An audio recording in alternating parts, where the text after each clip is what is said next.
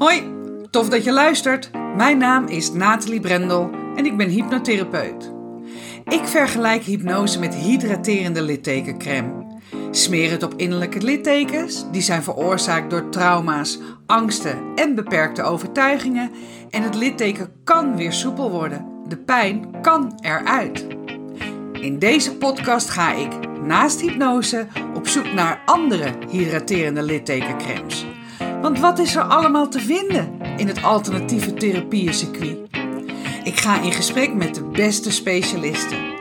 Hoe zijn zij met hun smeerseltjes in aanraking gekomen? Wat was het moment dat ze dachten: dit is te gek, hier ga ik in verder? En wat doet het precies? En ik spreek ervaringsdeskundigen. Waarom zijn ze juist deze therapievorm gaan volgen? En wat heeft het ze opgeleverd? Kortom, de verhalen achter de kremmetjes. Welkom bij Smeren met Brendel.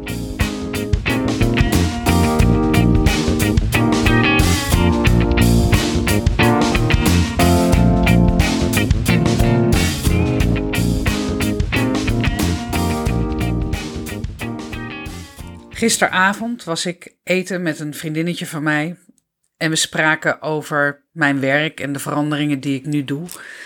En de impact die dat ook heeft op anderen. Want ik zei van ja, het gaat niet om mij als de messenger. Het gaat om de message. Waarop zij zei van ja, maar kom op Nathalie, je gaat me toch niet vertellen dat je er niet zelf ook iets uit vandaan haalt. Wat is het voor jou? Wat brengt het jou? En als jij dit werk zou doen en je zou er helemaal geen succes mee hebben, of in ieder geval de uh, klanten die je helpt zouden geen goede resultaten krijgen, zou je het dan nog blijven doen? En het antwoord daarop is natuurlijk nee. Als je het idee hebt dat je iets aan het doen bent wat een ander niet dient, dan dient het ook zeker jezelf niet. Maar als ik, en daar hadden we het uiteindelijk over, wat levert het op voor mij? En wij leren binnen hypnose en, en ook NLP dat achter ieder gedrag zit een positieve intentie. Je wil dat een fundamentele behoefte, basisbehoefte die jij hebt, dat die ja, ingevuld wordt. En dat doe je door gedrag. En het kan zelfs uitermate destructief of waardeloos gedrag zijn. Maar evengoed kan daarmee een basisbehoefte voor jou worden vervuld. En je kan ruzie maken met iemand, maar evengoed daardoor de behoefte tot verbinding voelen. En in ehm, NLP hebben ze zes van deze fundamentele behoeftes of positieve intenties, hoe je ze wil noemen, um, benoemd. En ik vind het wel interessant om ze met je door te lopen, omdat we gisteren dat gesprek ook hadden en zij mij vroeg van bijvoorbeeld de podcast. Ze zei van ja, ik vind het echt wel knap dat je dat elke week doet. En wat drijft jou om dat te doen? En ik zei van ja, ik, ik groei ervan, ik leer ervan. Terwijl ik aan het praten ben in deze microfoon, krijg ik inzichten. Maar wat ik ook heel tof vind, is dat ik er ondertussen achter kom dat mijn um, ik weet bijvoorbeeld helemaal niet veel over mijn ouders. En zeker niet over mijn vader. Mijn vader is al in 89 overleden. Toen was ik 22. En wij hebben nooit gesproken over zijn jeugd. Over zijn jonge jaren in de Tweede Wereldoorlog. Over het overlijden van zijn moeder. We, hebben, we spraken nooit over mijn oma. Terwijl ik wel begrepen heb dat zij heel belangrijk voor hem is geweest. Hij vertelde nooit over zijn tijd uh, in het leger, dat hij naar Nieuw-Guinea was. Hij heeft nooit verteld over zijn eerste vrouw en zoon, die ook nog hier in Nederland rondloopt en die ik dus ook nog nooit heb gezien.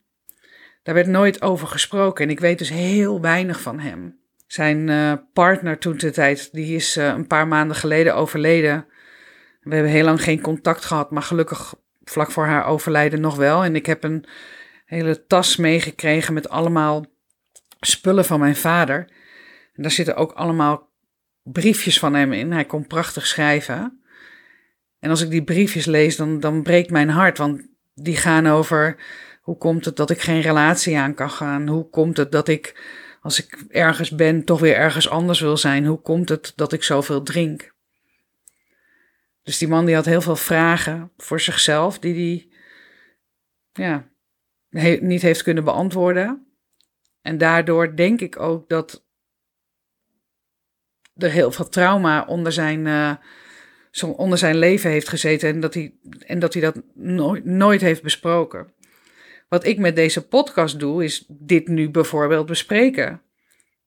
En ik zei vanmiddag eh, nog tegen mijn middelste zoon van ja, nu luister jij niet naar deze podcast van mij, maar er zal een moment komen, wellicht ook als ik er niet meer ben, dan ga je dat wel doen.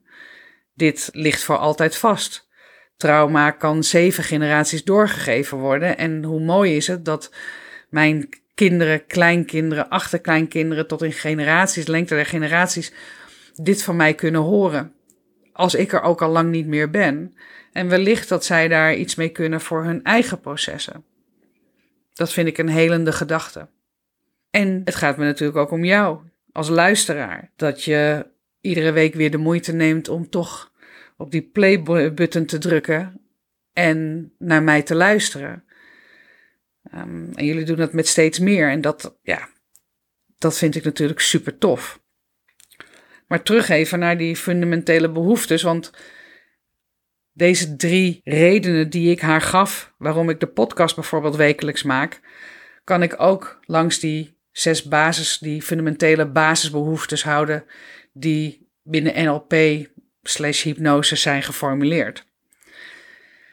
En de eerste basisbehoefte, fundamentele behoefte, is zekerheid en veiligheid. Iedereen heeft het gewoon nodig om een beetje te weten wat er aan gaat komen. Je kan je voorstellen, terwijl deze podcast wordt opgenomen, is er oorlog in de Oekraïne, is er oorlog in Israël, de Gazastrook. Er zijn er nog veel meer oorlogen over de wereld heen. Dat het voor die mensen hun fundamentele basisbehoefte van veiligheid en zekerheid en controle volledig is weggeslagen. En wat dat met je doet. En een gevoel van zekerheid kan al zitten in iets kleins. Hè? Ik bedoel, als je uh, snoep eet, dan weet je dat uh, het, het, het zoet zal zijn. Dus ook daarin zit een bepaalde vorm van veiligheid en zekerheid en controle ook vooral.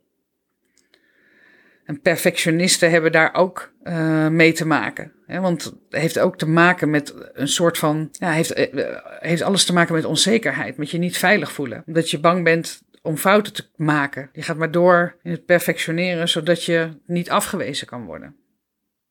De tweede fundamentele behoefte, de basisbehoefte, de positieve intentie, zoals we die ook wel noemen, is onzekerheid en uh, vrijheid, zelfstandigheid.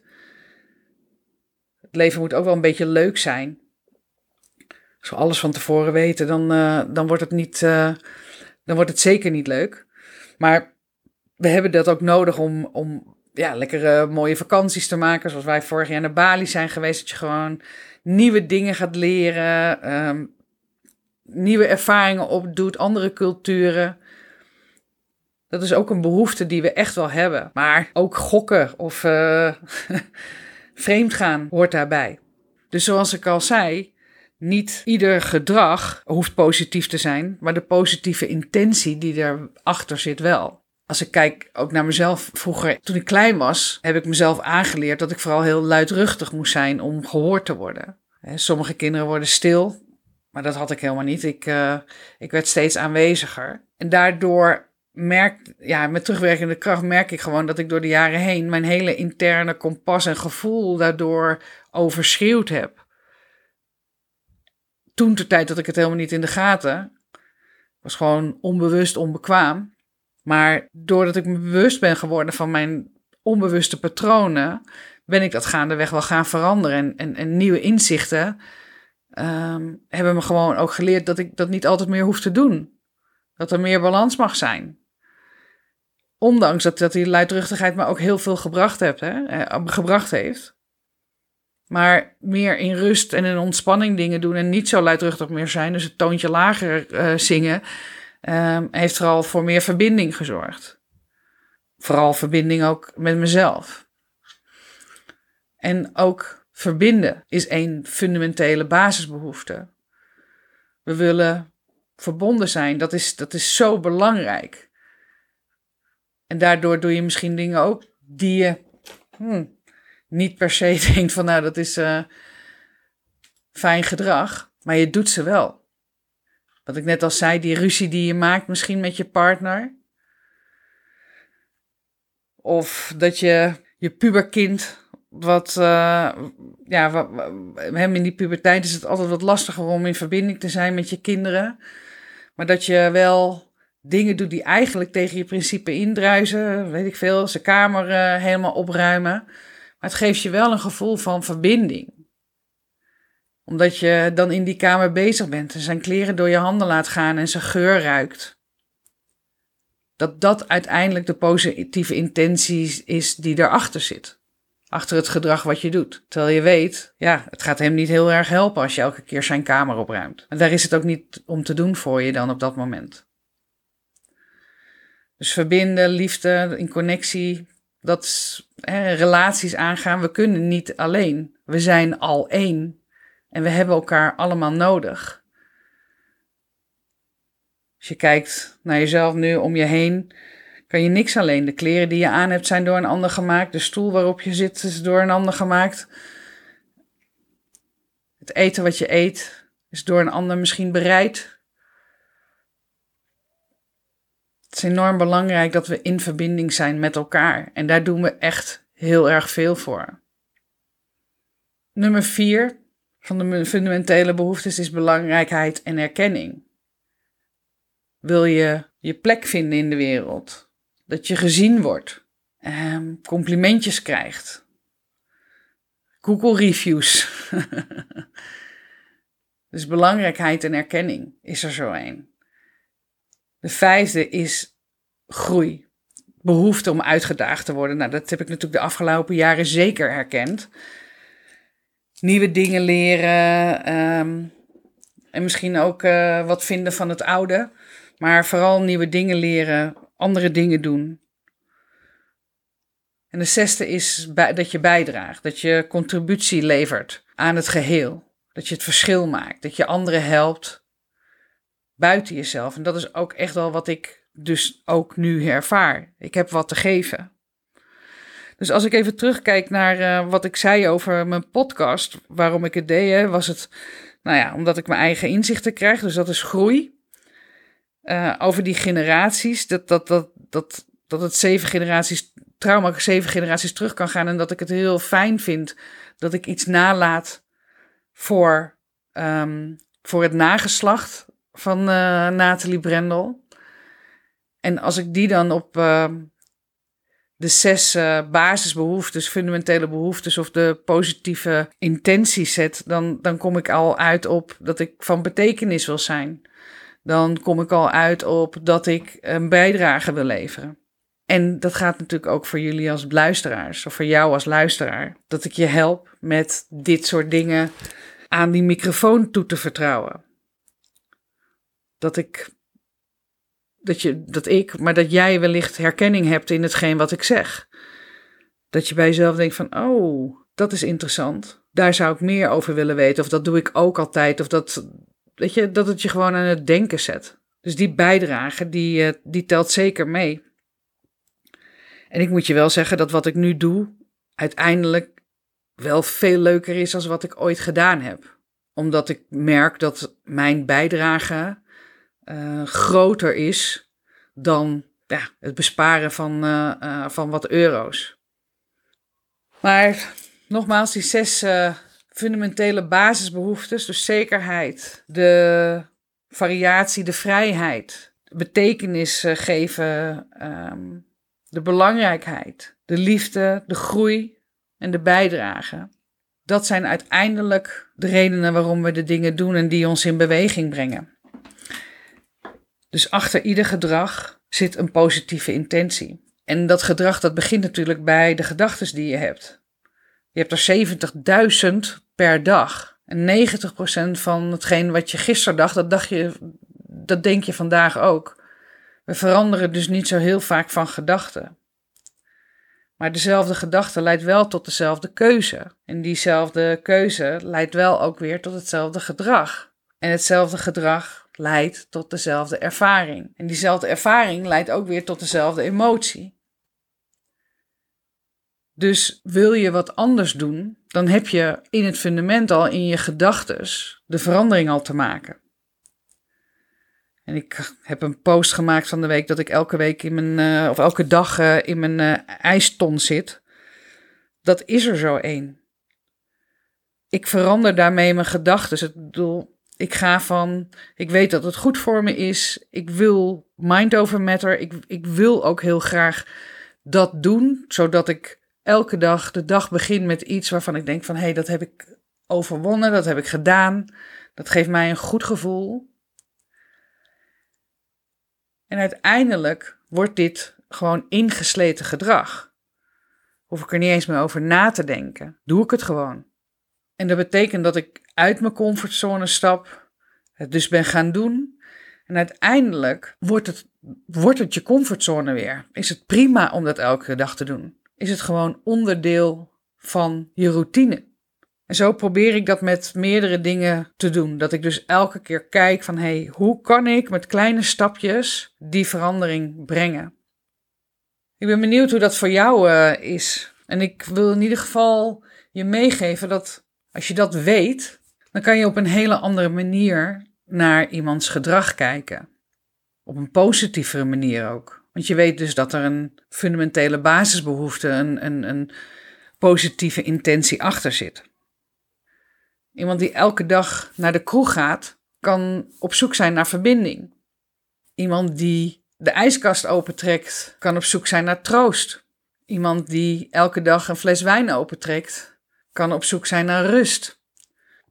Als je er op die manier naar kijkt en je bedenkt dat er zoveel manieren zijn om rust of troost of verbinding te krijgen, en in hypnose kan je het onbewuste heel makkelijk vragen om nieuwe manieren te vinden die ja, hetzelfde waarde vervullen als het oude gedrag deed.